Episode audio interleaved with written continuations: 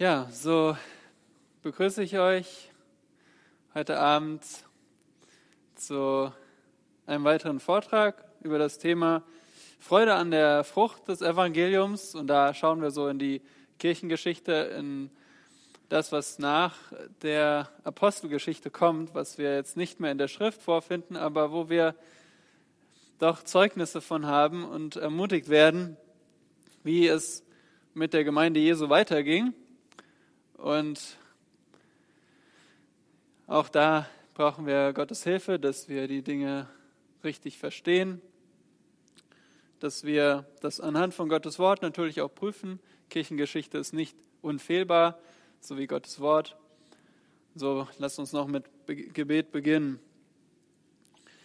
Allmächtiger Vater im Himmel, wir preisen dich an diesem Tag, an diesem Abend denn du bist der ewige Gott, du hast keinen Anfang und kein Ende und du bist der Gott, der nach seinem Ratschluss handelt. Du verkündest von Anfang an das Ende und von der Urzeit her das, was noch nicht geschehen ist. Und dein Ratschluss kommt zustande. Und deine Gemeinde, sie besteht durch dich und deinen Willen. Lieber Vater, so lass diese Stunde erbaulich sein für uns. Hilf uns, alles an deinem Wort zu prüfen. Und bitte gib du uns Konzentration und Gnade zum Reden und zum Hören. In Jesu Namen. Amen. Nun, wir haben hier keine Kinder vor Ort, von daher nehme ich mir auch die Freiheit, heute etwa eine Stunde zu reden. Wir sind also jetzt bei der frühen, der Verfolgung der frühen Gemeinde angekommen. Und vor zwölf Jahren habe ich schon einmal diese Serie unterrichtet. Und deswegen habe ich die sozusagen aus der Schublade geholt. Und die ist eben so für eine Stunde auch konzipiert. Ja, wir haben also bei unserem Thema der Kirchengeschichte zunächst uns angeschaut, wie ähm, das Evangelium sich verbreitet hat, die Ausbreitung des ja, christlichen Glaubens der Gemeinde war schon sehr früh, in sehr frühen Jahren, also weit verbreitet in verschiedenste Regionen, bis nach Afrika, Europa natürlich, dann nach Osten, nach Asien. Und letztes Mal haben wir in einem weiteren Teil gesehen, wie die Christen eigentlich gelebt haben in dem römischen Reich und dass sie eigentlich dasselbe getan haben wie wir. Sie haben Gottesdienste gefeiert, sie haben gesungen, sie haben auf eine Predigt gehört, sie haben das Mahl des Herrn gefeiert und sie haben auch ein abgesondertes Leben geführt, weil sie ja moralisch einen anderen Standard hatten und weil sie sich in vielen Bereichen auch aus dem öffentlichen Leben so ferngehalten haben, wo es um Götzendienst ging und das führte dann dazu, dass sie letztendlich in diesem römischen Reich auch staatlich verfolgt wurden. Und darum soll es also in den nächsten drei Malen in diesem Thema gehen, die Verfolgung in der frühen Kirchengeschichte. Nun, warum schauen wir uns das an? Einfach, weil es Teil unserer Geschichte ist, dass unsere geistliche Familie und unser Erbe und wir können davon lernen, wie es ihnen ging und mit welchen Kämpfen sie zu kämpfen hatten. Ich sage nicht, dass wir jetzt auch auf diese Weise verfolgt werden, aber dennoch können wir auch heute viel davon lernen. Nun, wir müssen auch, ähm, dürfen nicht vergessen, dass zu jeder Zeit die Gemeinde Jesu verfolgt wurde und verfolgt wird. Und während wir hier ähm, in relativem Frieden leben, sind Christen in anderen Regionen dieser Erde unter demselben Druck und unter derselben Verfolgung wie die frühe Christenheit. Ja, in unserer Einleitung stellen wir uns erstmal die Frage, was ist mit Verfolgung gemeint? Und damit meine ich einfach Schikanierung und Leiden für den Glauben. Und diese Leiden, diese Schikanierung kann auf unterschiedlichste Weise auf die Gläubigen treffen. Zum Beispiel kann es damit beginnen, dass sie eingeschüchtert werden eingeschüchtert werden oder dass sie zum Schweigen gebracht werden. Und noch härtere Leiden sind dann, sie zu bestrafen oder sogar zu töten. Verfolgung beginnt also nicht erst nicht da, wo die Gläubigen jetzt hingerichtet werden, sondern schon viel früher, wo sie von ihrem Weg, den Glauben zu leben, abgebracht werden durch Schikanierung und Leiden. Nun zweitens, wann wurden Gläubige verfolgt? Und wenn ihr eure Bibel lest, dann seht ihr, dass die Gläubigen zu jeder Zeit verfolgt wurden. Wir sehen, der allererste, wisst ihr, der allererste Gläubige, der verfolgt wurde, wer war das? In der zweiten Generation der Menschheit, es war Abel. Abel wurde von seinem ungläubigen Bruder Kain verfolgt. Und so zieht sich das durch die gesamte Geschichte.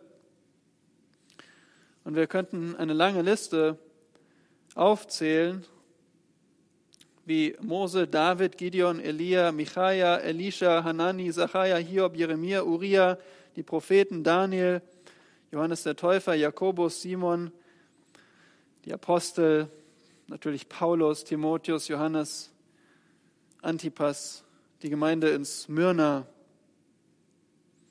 Durch die gesamte Kirchengeschichte hindurch, also durch die gesamten 2000 Jahre, wurden Gläubige verfolgt.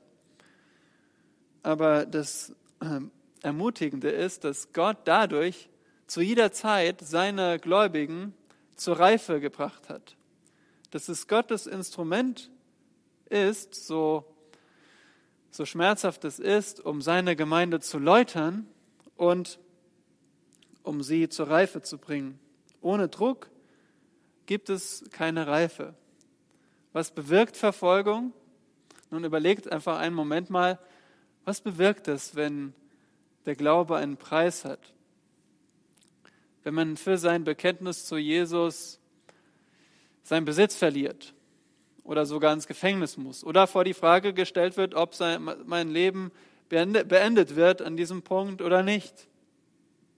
Nun, es, es löst unseren Griff von an irdische, vergängliche Dinge. Und es prüft unser Herz und unsere Hingabe an das, was wir nicht sehen. In erster Linie unseren Herrn Jesus Christus, den wir nicht sehen, aber der doch da ist, real ist und an die zukünftige Welt, unser, wie real ist für uns das, was Gott uns als ewiges Erbe versprochen hat. Eine dritte Frage wäre, warum wurden die Christen verfolgt? Und dazu können wir Johannes 15 äh, aufschlagen. Johannes 15, Verse 18 bis 21, da ist der Herr Jesus mit seinen Jüngern im Obersaal und er spricht zu ihnen, bereitet sie auf seine, ja, seine Rückkehr zum Vater vor. Das ist eine sehr intime, sehr innige Situation, Atmosphäre. Er liebt seine Jünger und er sagt in Johannes 15, Vers 18, wenn euch die Welt hasst, so wisst, dass sie mich vor euch gehasst hat. Wenn ihr von der Welt wärt, so hätte die Welt das ihre lieb. Weil ihr aber nicht von der Welt seid, sondern ich euch aus der Welt heraus erwählt habe, darum hasst euch die Welt. Gedenkt an das Wort, das ich zu euch gesagt habe, der Knecht ist nicht größer als sein Herr. Haben sie mich verfolgt, so werden sie auch euch verfolgen. Haben sie auf mein Wort argwöhnisch Acht gehabt, so werden sie auch auf das eure argwöhnisch Acht haben. Aber das alles werden sie euch antun, um meines Namens willen, denn sie kennen den nicht, der mich gesandt hat. Vers 22. Wenn ich nicht gekommen wäre und zu ihnen geredet hätte, so hätten sie keine Sünde. Nun aber haben sie keinen Vorwand für ihre Sünde. Wer mich hasst, der hasst auch meinen Vater. Wenn ich nicht die Werke unter ihnen getan hätte, die kein anderer getan hat, so hätten sie keine Sünde. Nun aber haben sie es gesehen und hassen doch sowohl mich als auch meinen Vater. Doch dies geschieht, damit das Wort erfüllt wird, das in ihrem Herzen geschrieben steht, sie hassen mich ohne Ursache.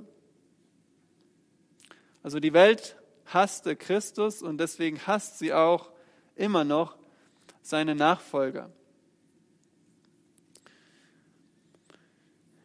Eine weitere Stelle in 2. Timotheus Kapitel 3, Vers 12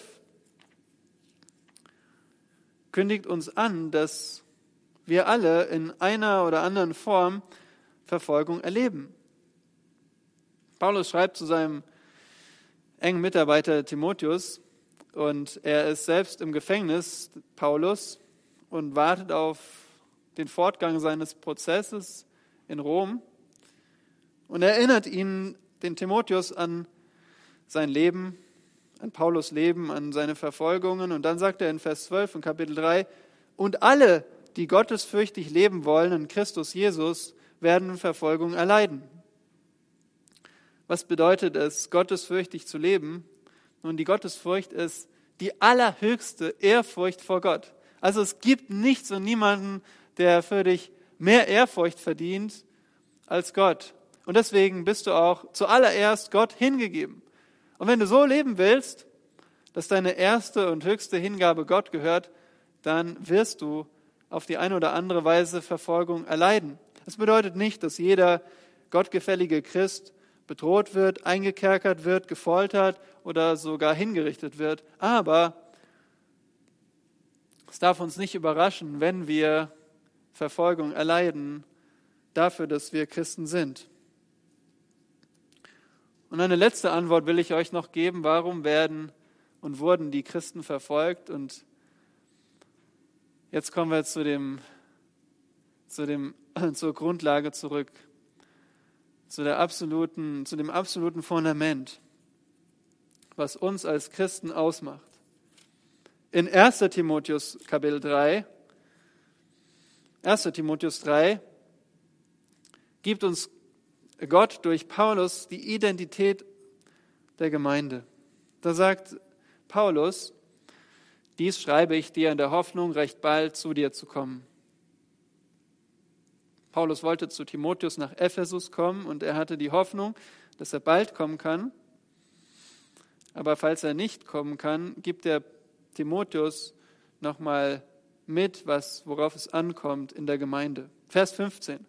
Damit du aber, falls sich mein Kommen verzögern sollte, weißt, wie man wandeln soll im Haus Gottes, welches die Gemeinde des lebendigen Gottes ist, der Pfeiler und die Grundfeste der Wahrheit. Die Gemeinde ist die Grundfeste der Wahrheit. Also wofür, wofür wurden Christen verfolgt? Warum hasst die Welt die Christen?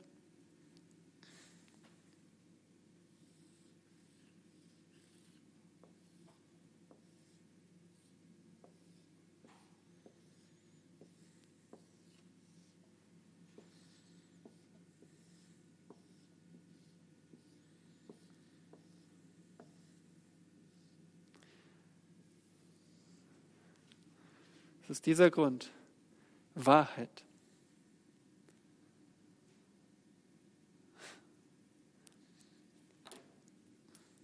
Wir haben die Wahrheit. Die Wahrheit, woher alles kommt, wer regiert, wer wir als Menschen sind, was unser Auftrag ist,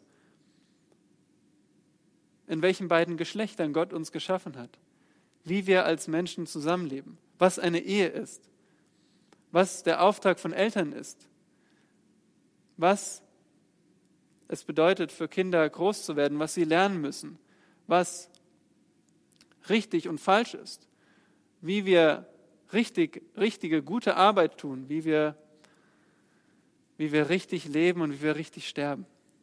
Es gibt nur eine Wahrheit, Gottes Wahrheit. Nun, aber das passt nicht zu dieser Welt. Und das passte nicht zum römischen Reich. Und das wird niemals zu dieser Welt passen, weil diese Welt ist Satans Weltsystem. Und in diesem Weltsystem wird die Wahrheit unterdrückt, die Wahrheit gehasst.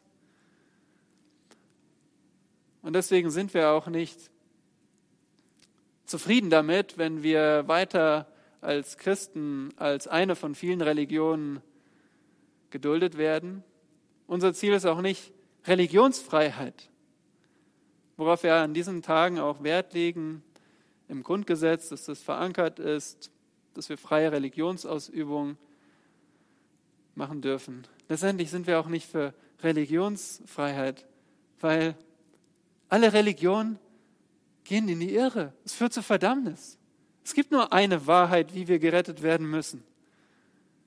Und ich möchte, dass ihr das vor Augen habt, wenn wir uns auch diese Verfolgung anschauen. Das ist das, was uns als Christen auszeichnet. Nicht, weil wir besser sind, nicht, weil wir die Wahrheit irgendwie durch unsere Studien herausbekommen haben, sondern weil sie uns geschenkt ist von Gott und Gott uns die Augen geöffnet hat für dieses Buch, was schon seit Jahrtausenden da ist und was uns die Wahrheit lehrt, weil Gott gnädig ist und wissen, uns wissen lassen will, was wahr ist. Christen wurden verfolgt, weil sie wie Christus waren, weil sie die Wahrheit verkündet haben und gelebt haben. Nun, wir konzentrieren uns jetzt auf die Christenverfolgung durch das Römische Reich und damit nicht so sehr auf das, was wir in der Bibel lesen können, weil erinnert euch mal, wie begann denn die Verfolgung der Gemeinde? Das begann schon sehr früh. Ich denke, die erste Verfolgung lesen wir in Apostelgeschichte 4, als die Apostel verfolgt wurden dafür, dass sie den Namen Jesu verkündigt haben. Und damit traten sie in die Fußstapfen des Herrn Jesus selbst. Wir erinnern uns, Jesus selbst wurde nicht die ganze Zeit verfolgt, aber immer wieder wurde er verfolgt. Und so auch seine Apostel. Sie äh, wurden und so hat es der Herr Jesus auch vorhergesagt, dass sie geschmäht wurden, geächtet wurden, von der Gemeinschaft getrennt wurden, inhaftiert wurden, enteignet wurden und die Todesstrafe erlitten. Zum Beispiel der Apostel Jakobus. Und so wurden sie verfolgt wie der Herr Jesus Christus. Der Herr Jesus Christus wurde auch von den Juden zuallererst verfolgt, aber er wurde hingerichtet und verurteilt von den Römern. Und wisst ihr, für welches Verbrechen wurde Jesus hingerichtet? Nun, die Juden haben gesagt, er hat Gott gelästert, aber das hat die Römer nicht so sehr interessiert. Das war Streitigkeiten bei den Juden. Aber das, wofür er hingerichtet wurde, war Hochverrat gegen den Kaiser ein Verbrechen, das man kurz Majestas nennt. Hochverrat gegen den Kaiser verbirgt sich hinter diesem Begriff Majestas. Und das war das schwerste Verbrechen, das das römische Gesetz kannte. Und so kam die erste Verfolgung durch die, erst die Hohenpriester, dann das gesamte jüdische Volk. Und in Apostelgeschichte 12 auch durch den König Herodes, der aber nur die Juden günstig stimmen wollte, deswegen hat er das gemacht. Das lesen wir auch in Apostelgeschichte 12. Und so waren vor allem die Juden dahinter, die standen dahinter, die Christen zu verfolgen. Wisst ihr, die römischen Autoritäten waren zur Zeit von Paulus nicht der Feind der Christen. Warum? Nun, weil sie nicht unterscheiden konnten zwischen Juden und Christen. Denn die ersten Christen waren ja wiedergeborene, errettete Juden. Und für die Römer war das nicht auseinanderzuhalten. Die dachten, das ist einfach irgendeine Sekte von den Juden, irgendeine Streitigkeit. Sie haben nicht gesehen, dass das ein komplett anderer Glaube ist, nämlich der Glaube, dass der Herr Jesus Christus der Messias ist, Gott selbst, der allein retten kann. Deswegen war auch die Verkündigung des Evangeliums von den Römern nicht verboten, aber die Wende kam dann 64 nach Christus, als Rom brannte. Da, zu dieser Zeit etwa hat man zum ersten Mal wirklich unterschieden zwischen Juden und Christen. Und die Verfolgung der Christen im Römischen Reich begann zu dieser Zeit. Nun, während des Römischen Reiches gab es immer wieder Wellen der Verfolgung. Ja, es gab Wellen der Verfolgung und manche versuchen die zu zählen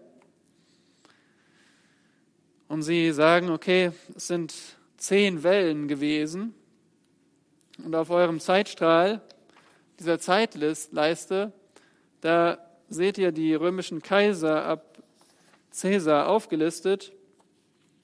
Und da seht ihr grau markiert so diese zehn, zehn Kaiser während deren Regierungen die Christen vom Staat verfolgt wurden.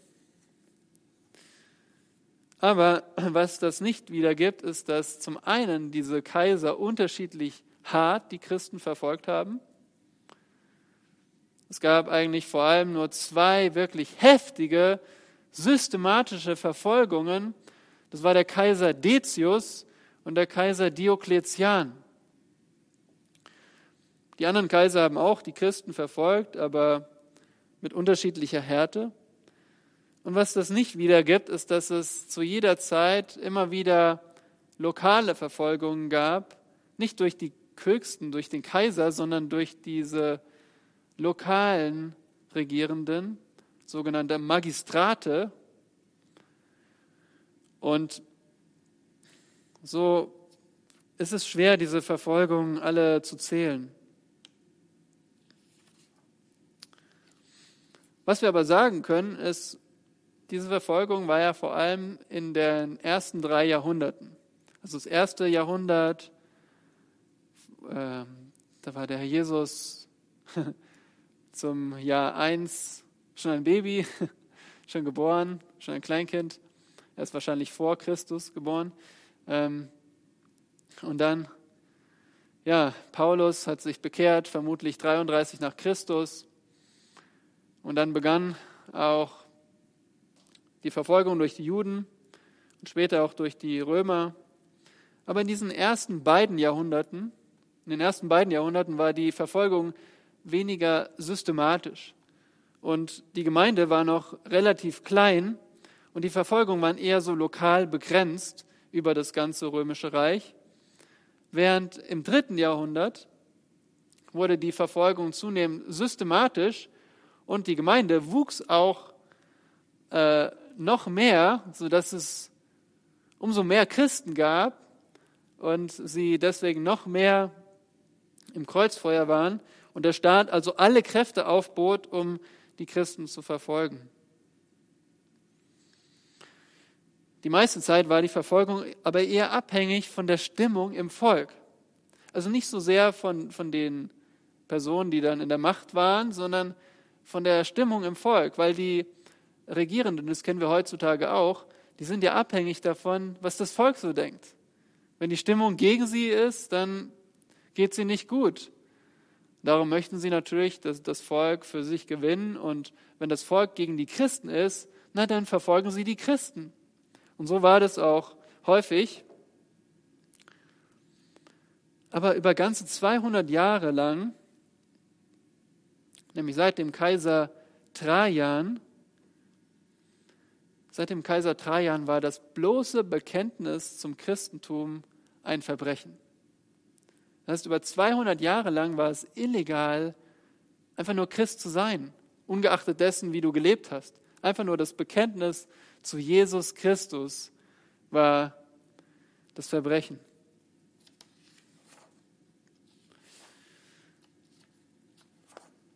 Nun in die jüdische Verfolgung, das könnt ihr euch gerne zu Hause nochmal nachlesen, wenn ihr da Interesse habt. Wir konzentrieren uns jetzt mit der Rest der Zeit auf die römische Verfolgung. Und bei den nächsten beiden Malen gehen wir dann in zwei Abschnitten durch diese Zeit durch, durch diese zweieinhalb Jahrhunderte. Und heute möchte ich noch mal so einen Überblick geben, was waren eigentlich so die Gründe, warum die, das römische Reich die Christen verfolgt hat. Wie ich schon gesagt habe, im Sommer 64 nach Christus, da brannte Rom. Vermutlich hat Nero das Feuer selbst gelegt, weil er einfach bauwütig war und, und diese Vision von einer neuen Stadt hatte. Und wir wissen aus historischen Quellen, dass er ähm, die Christen als Sündenbock gebrauchte, dass sie, ja, das, das konnte er aber auch nur, weil die Stimmung im Volk gegen die Christen war. Und so war diese, war diese neue Sekte des Christentums also als etwas anderes erkennbar als das Judentum. Aber diese, wir könnten jetzt sagen, diese Verfolgung, das hat alles mit einem großen Irrtum begonnen. Die Christen haben ja nicht das Feuer gelegt, äh, das war einfach nur ein Missverständnis. Aber dem ich ist nicht so. Nein, diese Christenverfolgung durch das römische Reich, die begann, die war die logische Konsequenz von einem Konflikt zwischen zwei Weltanschauungen. Es war die logische Konsequenz, dass die Christen, die Gemeinde Jesu, dass sie der Pfeiler und die Grundfeste der Wahrheit ist. Dass sie verkündeten,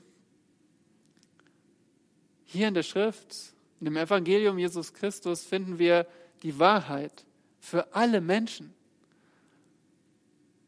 Und damit standen sie auf dem Absolutheitsanspruch des Evangeliums, auf dem Anspruch, dass sie die absolute Wahrheit kennen und verkünden und danach leben. Und das passte nicht zu dem Selbstverständnis des römischen Reiches. Und deswegen waren sie vor allem dem Hass des Volkes ausgesetzt und der Willkür der Magistrate. Weil die konnten ihre Gesetze auch einfach drehen, sodass es auch gegen die Christen gerichtet war. Wir schauen uns jetzt acht Gründe an, warum die Christen verfolgt wurden. Hm. Achtmal ein A, also die Gründe sind Anarchismus, Atheismus, Ablehnung des Kaiserkultes, abnehmender Götzendienst, Absonderung, Abendmahl, Anziehungskraft und allgemeiner Sündenbock.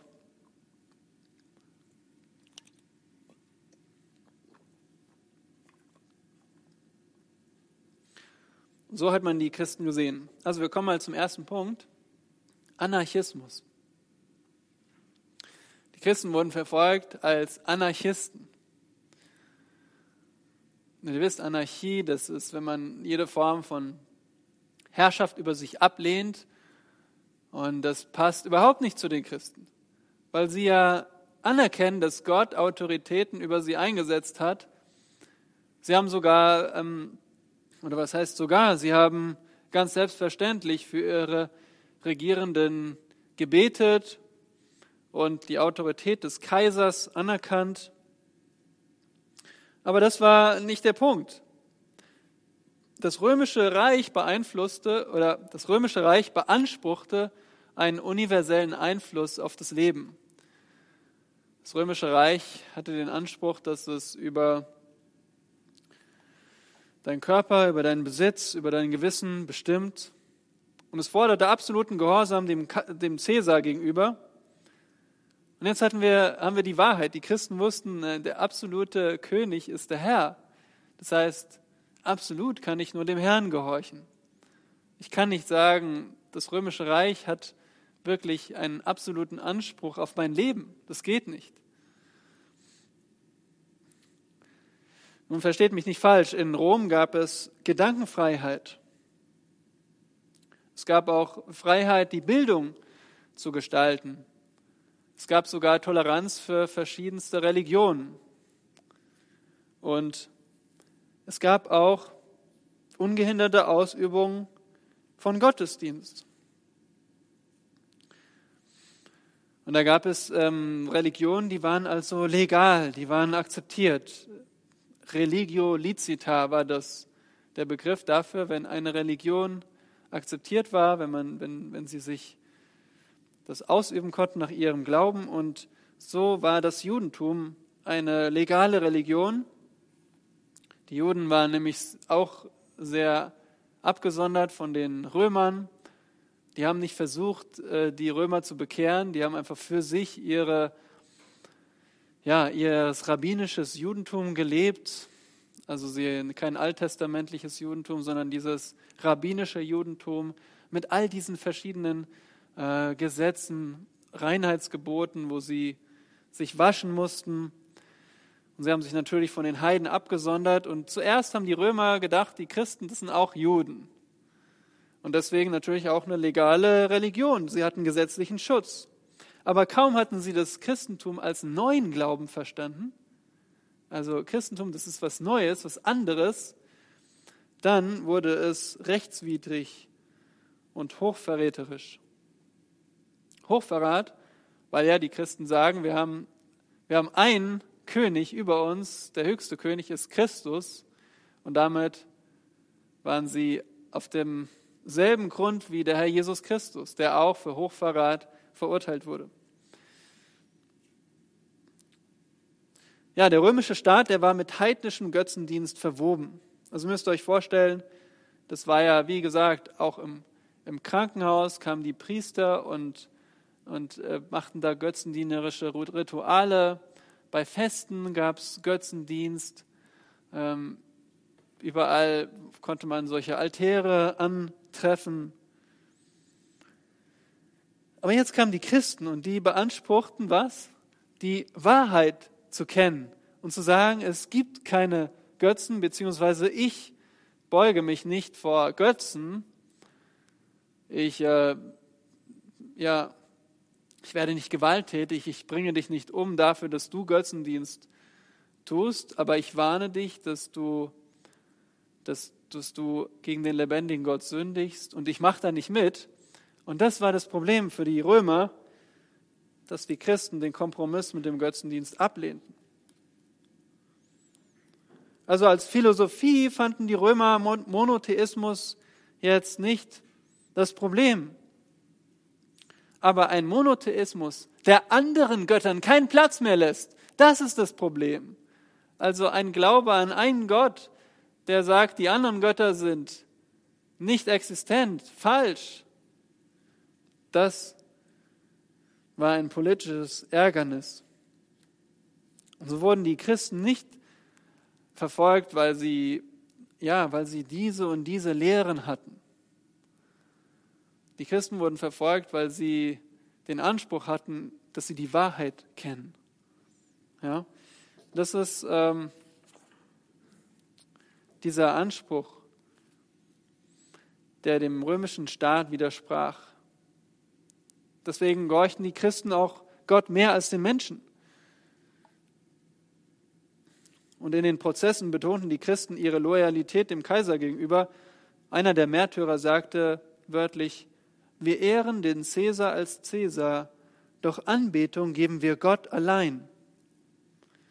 Und so war die Verurteilung einfach du bist ein Christ. Und so wurden sie nicht verfolgt, weil sie sich jetzt im Untergrund getroffen haben, weil sie irgendwie so eine illegale Gemeinschaft waren, sondern einfach für den Namen, weil sie Christen waren. Und aus Sicht des äh, römischen Reiches war es eine Gefahr für den Staat, dass diese Christen behaupteten, dass sie einem absoluten König dienen. Das war eine Gefahr, eine Gefahr für den Staat, die betonte, dass der Kaiser der absolute Herrscher ist. Und deswegen wurden sie als eine anarchistische Gemeinschaft gesehen. Und so waren sie immer unter strikter Beobachtung und der Staat konnte jederzeit ohne Formalität gegen sie vor, vorgehen. Also Sie wurden aber weniger durch formelle Gesetze als eher so durch polizeiliche Maßnahmen unterdrückt, weil ja die lokalen Autoritäten einfach die Polizei schicken konnten. Denn es war ja, es waren ja Anarchisten. Das war also der, der erste Grund. Anarchie, Anarchisten. So waren sie verschrien. Zweitens wurden sie als Atheisten gesehen. Und auch das ist für uns irgendwie so, wie kann es sein? Wir predigen, äh, wir predigen zu Atheisten, dass sie sich doch zu Gott bekehren, dass sie, dass sie nicht darauf bestehen, ähm, festhalten an dieser Lüge, es gebe keinen Gott oder man könne Gott nicht erkennen und finden. Jetzt sind die Christen als Atheisten verfolgt. Wie geht das? Nun, für die Römer war Religion, äh, ja, das war weniger so, ähm, so eine bestimmte Praxis, so, so Ritual, sondern es war, es war eine gesellschaftliche Sache. Es war Patriotismus. Du bist Römer, dann betest du diese Götter an. Weil das hält das Reich zusammen, wenn alle dieselben Götter anbeten. Und ähm, so haben die Römer auch fremde Götter einfach einverleibt und ihnen neue Namen gegeben. Aber in den Augen der Römer waren die Christen Atheisten, weil die ja nur an einen Gott glauben, mit dem Ausschluss von allen anderen Göttern. Also die sagten, es gibt diese Götter wie Apollo und Jupiter und Zeus, die gibt es alle nicht. Ja, warte mal, Zeus ist dasselbe wie Jupiter. Aber ich bin auch nicht ganz im Bilde. Nun, die Christen sagten, es gibt diese Götter nicht und deswegen waren sie Menschen ohne Götter, ohne diese ganzen Götter, also Atheisten. Und so wurden sie verfolgt als Atheisten. Drittens, Ablehnung des Kaiserkultes. Nun, weil die Römer einfach das Reich so vereinen wollten, das war ein riesiges Reich, deswegen haben sie diesen Kaiserkult gehabt. Also Kaiser Augustus hat es begonnen, der sah es notwendig, dass man eine gemeinsame Religion hat, um so diese ganzen verschiedenartigen Menschen zu verbinden. Und da gab es also Tempel und eigene Priester, und der Inhalt war Anbetung von Rom und Augustus. Und so hatte jedes Stadtzentrum so einen eigenen Tempel dafür. Aber die Christen weigerten sich, dem Kaiser zu opfern. Also fielen sie unter dasselbe Urteil wie der Herr Jesus, Majestas, Hochverrat. Und so gab es häufig Christenverfolgungen am jährlichen Feiertag, also am Namenstag des Kaisers. Und wenn dann die Christen wieder nicht da waren und sowieso schon viele Leute zusammen waren, dann hat, wurden die aufgewiegelt dadurch und dann gab es wieder eine neue Verfolgung. Und damit haben die Regierenden natürlich auch von sich selbst weglenken konnten. Es war eine Gelegenheit, ein gemeinsames Feindbild zu haben. Die Christen waren verfolgt, weil sie den Kaiserkult ablehnten, den Kaiser anzubeten, so mit Opfern und mit ähm, priesterlichen Handlungen. Und das war, wie gesagt, verbunden auch mit Spielen und Festen. Also gab es Sport, da gab es Halligalli, Feste. Und da war der Kaiserkult ein fester Bestandteil. Und ein vierter Grund war abnehmender Götzendienst. Und das war einfach ein wirtschaftlicher Grund, ja, weil das Geld weniger wird. Es würde, je mehr die Gemeinde wuchs, desto mehr Leute haben nicht mehr den Götzen geopfert oder Götzen angebetet. Und so schrumpfte das Einkommen der Priester und preis den Herrn, die Götzenbauer hatten weniger Aufträge und das hat ihnen nicht geschmeckt. Und aus diesem Grund wurden Verfolgungen manchmal von diesen Handwerkern, Priestern, Händlern und sonstigen Bürgern angestachelt, die eben diesen Lebensunterhalt mit Götzendienst verdienten. Und das war dann ein Grund für die Verfolgung. Das sehen wir auch in der Apostelgeschichte schon. In welcher Stadt war das? wo die Silberschmiede die Verfolgung angestachelt haben? Das war in Ephesus. Der Silberschmied Demetrius. Und so war das auch nach Abschluss des Neuen Testaments so im Römischen Reich. Ein fünfter Grund ist Absonderung. Wisst ihr, wie die Christen damals bezeichnet wurden? Als Genus Tertium, als dritte Rasse. Als dritte Rasse. Und wer war die erste Rasse? Die Heiden, die Römer, die Griechen. Und als zweite Rasse sahen die Römer die Juden, weil die so abgesondert waren für sich. Aber jetzt haben sie gesehen, dass noch ein Volk, das so abgesondert ist, das waren die Christen. Die Christen, naja, die haben in den Augen der Römer, waren die so in der Öffentlichkeit still, aber dann in ihren, in ihren Ecken waren sie geschwätzig und lebendig. Ja, in einer Gesellschaft, wo jede Handlung mit dem heidnischen Ritual vermischt war, da war es für die Christen schwer, nicht irgendwie eigentümlich oder seltsam zu erscheinen. Kennt ihr das in unserer Welt, dass, dass ihr einfach nicht so dazu passt? Dass ihr irgendwie anders seid, dass ihr nicht mitlachen könnt bei unmoralischen Witzen? Dass ihr nicht erzählen könnt von diesem und jenem Film, weil ihr wisst, das ist einfach, das brauche ich mir nicht anschauen? Oder weil ihr einfach nicht so dieses selbe Anliegen mittragen könnt. Momentan zum Beispiel, es geht nur um Gesundheit. Wenn wir nur unsere Gesundheit hätten, da kannst du nicht mitmachen und sagen, ja, genau so ist es. Nein, du denkst, Mensch, aber es geht um so viel mehr. Wir sind eine lebendige Seele und wir werden ewig leben und es geht um unsere Beziehung zu Gott und du merkst, ich passe nicht in diese Welt. Und so ging es den Christen damals. Sie gingen nicht ins Theater, nicht in den Zirkus, Politik war sowieso für sie tabu. Genauso der Militärdienst, nicht weil sie Pazifisten waren, sondern weil auch im Militär es immer wieder Götzendienst gab, der vorgeschrieben war. Und außerdem, die Christen, die lebten eng, in enger äh, geschwisterlicher Bruderschaft und sie arbeiteten meist mit den Händen. Ja, also handwerkliche Berufe, das war damals exotisch, weil das haben eigentlich nur Sklaven getan.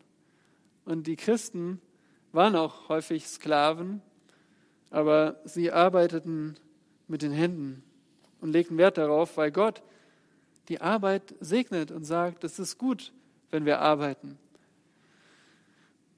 Das war in den Augen der Römer nicht zu verstehen. Außerdem war der Glaube auch ein, ein spaltender Faktor für die Familie äh, ja, in der Familie hatte der, der Mann, der hatte das absolute Sagen.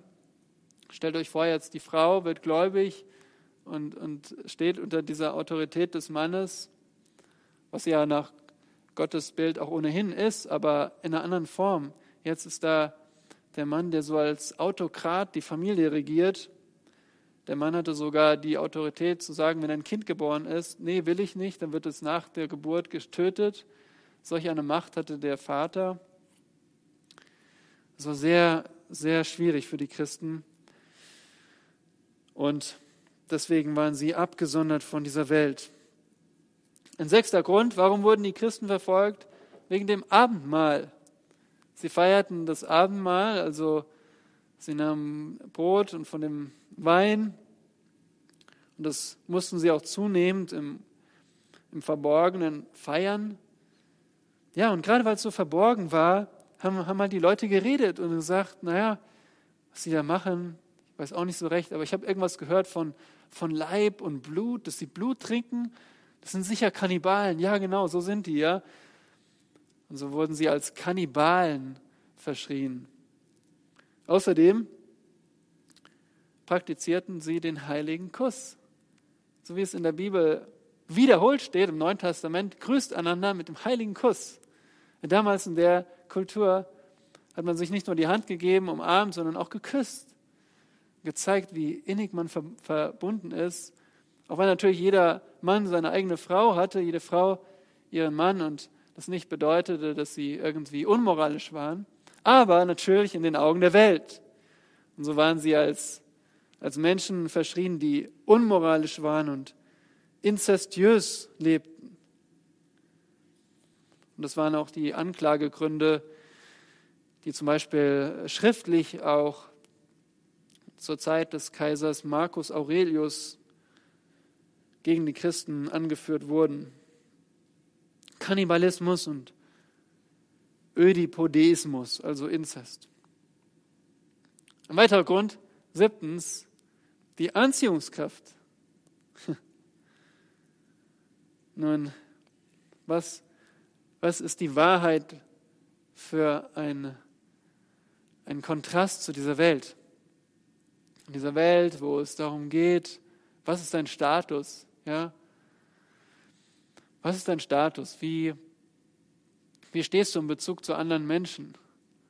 Hast du mehr Geld, mehr Einfluss, Erfolg? Wie viel hast du auf dem Konto? Nun, für die Christen war das egal. Da kam so ein, so ein reicher Mann zur Gemeinde und da kam da ein Sklave, der hatte noch seinen Schurz um, der hatte keine Rechte und die waren Brüder. Die haben sich hingesetzt, wenn sie, aber die Christen hatten ja früher keine Bänke, die haben im Stehen Gottesdienst gefeiert, dann standen die nebeneinander und haben gemeinsam dasselbe Lied gesungen, den Herrn gepriesen, dieselbe Predigt gehört, vielleicht sich ausgetauscht. Was hast du gelernt? Wie kannst du das anwenden? Und so waren sie alle vor dem Herrn gleich. Aber das hatte dann eine große Anziehungskraft, denn diese häufig waren es ja Sklaven in der Gemeinde, die wurden dann sogar ähm, Diakone oder Älteste in der Gemeinde und, und hatten damit ein, eine wichtige Verantwortung. Und in der Welt waren sie der letzte Dreck.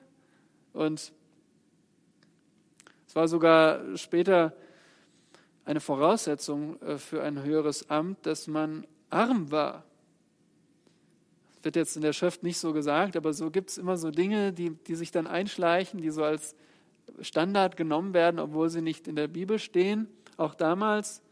Aber das war halt so die Betonung drauf, ja, dass man, dass man nicht an den Dingen dieser Welt hängt, hängt und so wurden selbst arme Leute, Sklaven, wurden zu Gemeindeleitern.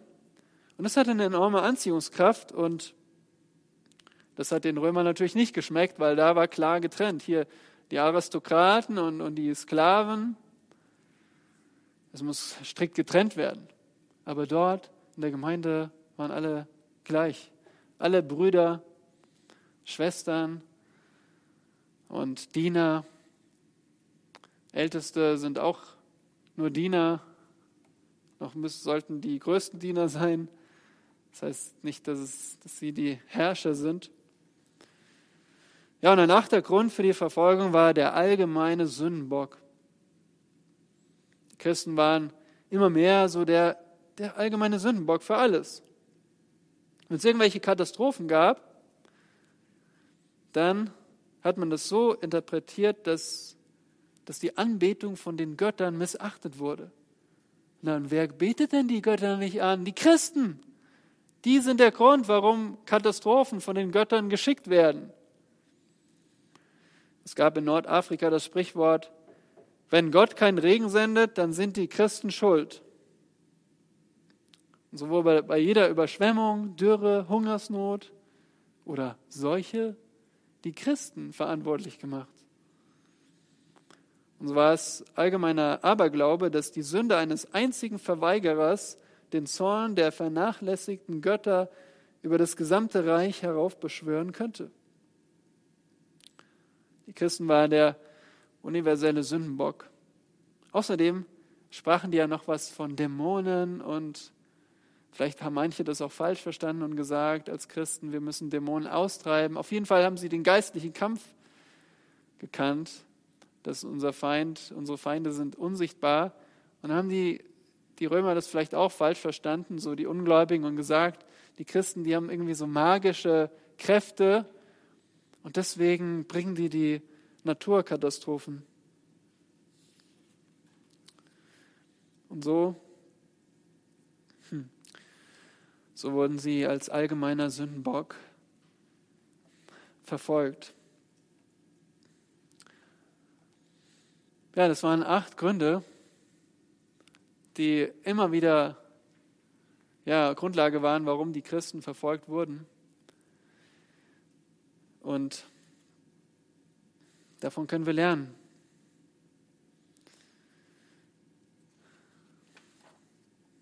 Lernen, dass wir nicht der Kirchengeschichte, sondern dem Wort Gottes nachfolgen. Ja, dass wir uns darauf besinnen. Wer sind wir? Wir sind die Grundfeste und Pfeiler der Wahrheit. Wir glauben, wir wissen, es gibt nur einen Gott. Der Herr Jesus ist der König. Und es gibt nur ein Heil. Und dafür stehen wir. Wir sind nicht zufrieden, wenn jeder seine eigene Religion gefunden hat, sondern wir sagen, Mensch, ihr seid auf dem falschen Weg, ihr müsst umkehren, wenn ihr nicht den Herrn Jesus Christus anbetet. Leute, wir sind dankbar für Regierung, aber wir kennen unseren einzig wahren König, den Herrn Jesus. Und wir glauben nur an einen einzigen Gott. Und wir können niemals den Staat oder den Kaiser anbeten.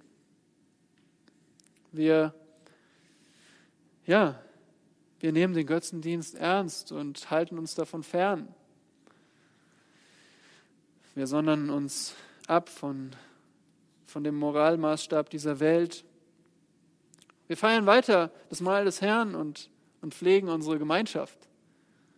Wir betrachten alle Menschen als gleich vor dem Herrn und unterscheiden nicht nach sozialem Status oder Geschlecht oder Herkunft, Sprache. Ja. Und wir wissen, dass Gott über, über Katastrophen steht, dass Gott auch über Seuchen steht und dass die einzige Antwort ist, wir müssen zu ihm umkehren. Und das haben die Christen verkündet. Lass uns wie, wie Paulus freimütig sein und damit möchte ich schließen mit Apostelgeschichte 4, die allererste Verfolgung in der Apostelgeschichte, wo sie vor den Hohenpriestern standen, vor den Leitern der Juden, weil sie einen Mann geheilt hatten im Namen Jesu. Das war ihr Verbrechen. Sie haben einen Mann geheilt.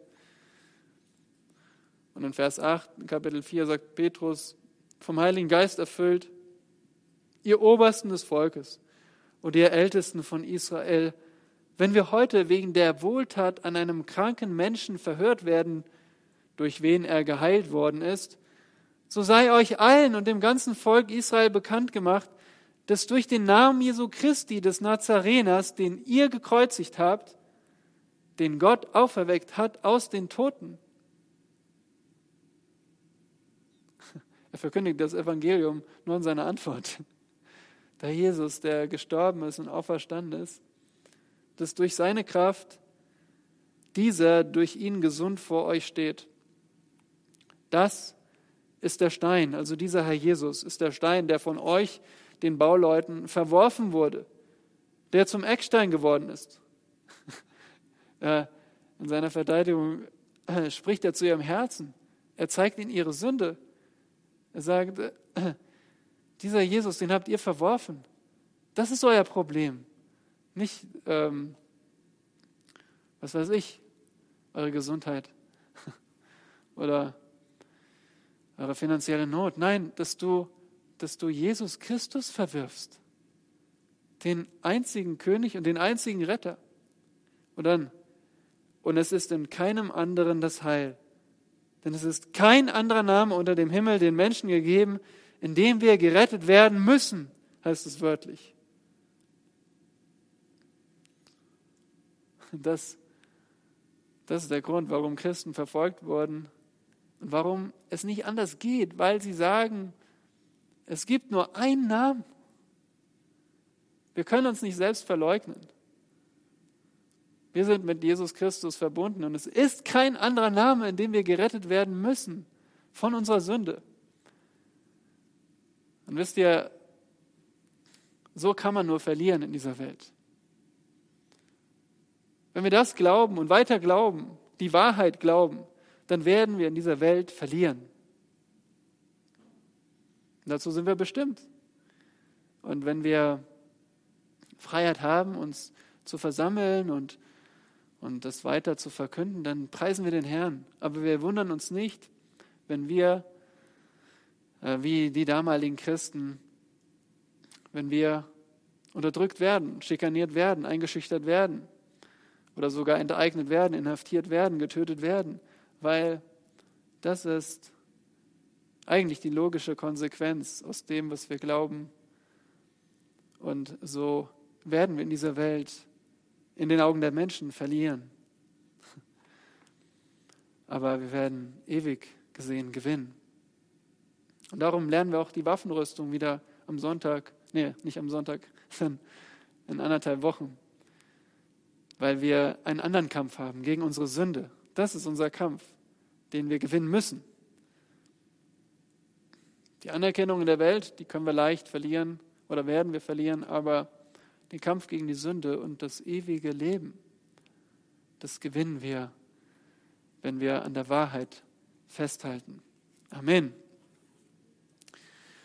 Unser Herr Jesus Christus, danke, dass du gekommen bist, um zu sterben, um Sünder zu lieben und um den Tod zu besiegen. Du bist auferstanden und Du bist der Stein, den die Bauleute verworfen haben, den die Menschen, wir selbst, einst verworfen haben. Aber du bist gnädig. Du rufst jeden Menschen zur Umkehr. Hilf uns, dass wir Botschafter sind in dieser Welt. Dieses einfache Evangelium, das Paulus gerade verkündigt hat, dass wir das zu unserer Botschaft machen. Komme, was wolle. Auch wenn wir in dieser Welt verlieren, dass wir aber geistlich gewinnen. So, danke für diesen Blick in die Geschichte. Bitte ermutige uns durch dein Wort weiterhin, durch die Gemeinschaft, die wir zu Hause haben oder hier vor Ort. Mögest du gepriesen werden. Ewigkeit. Amen.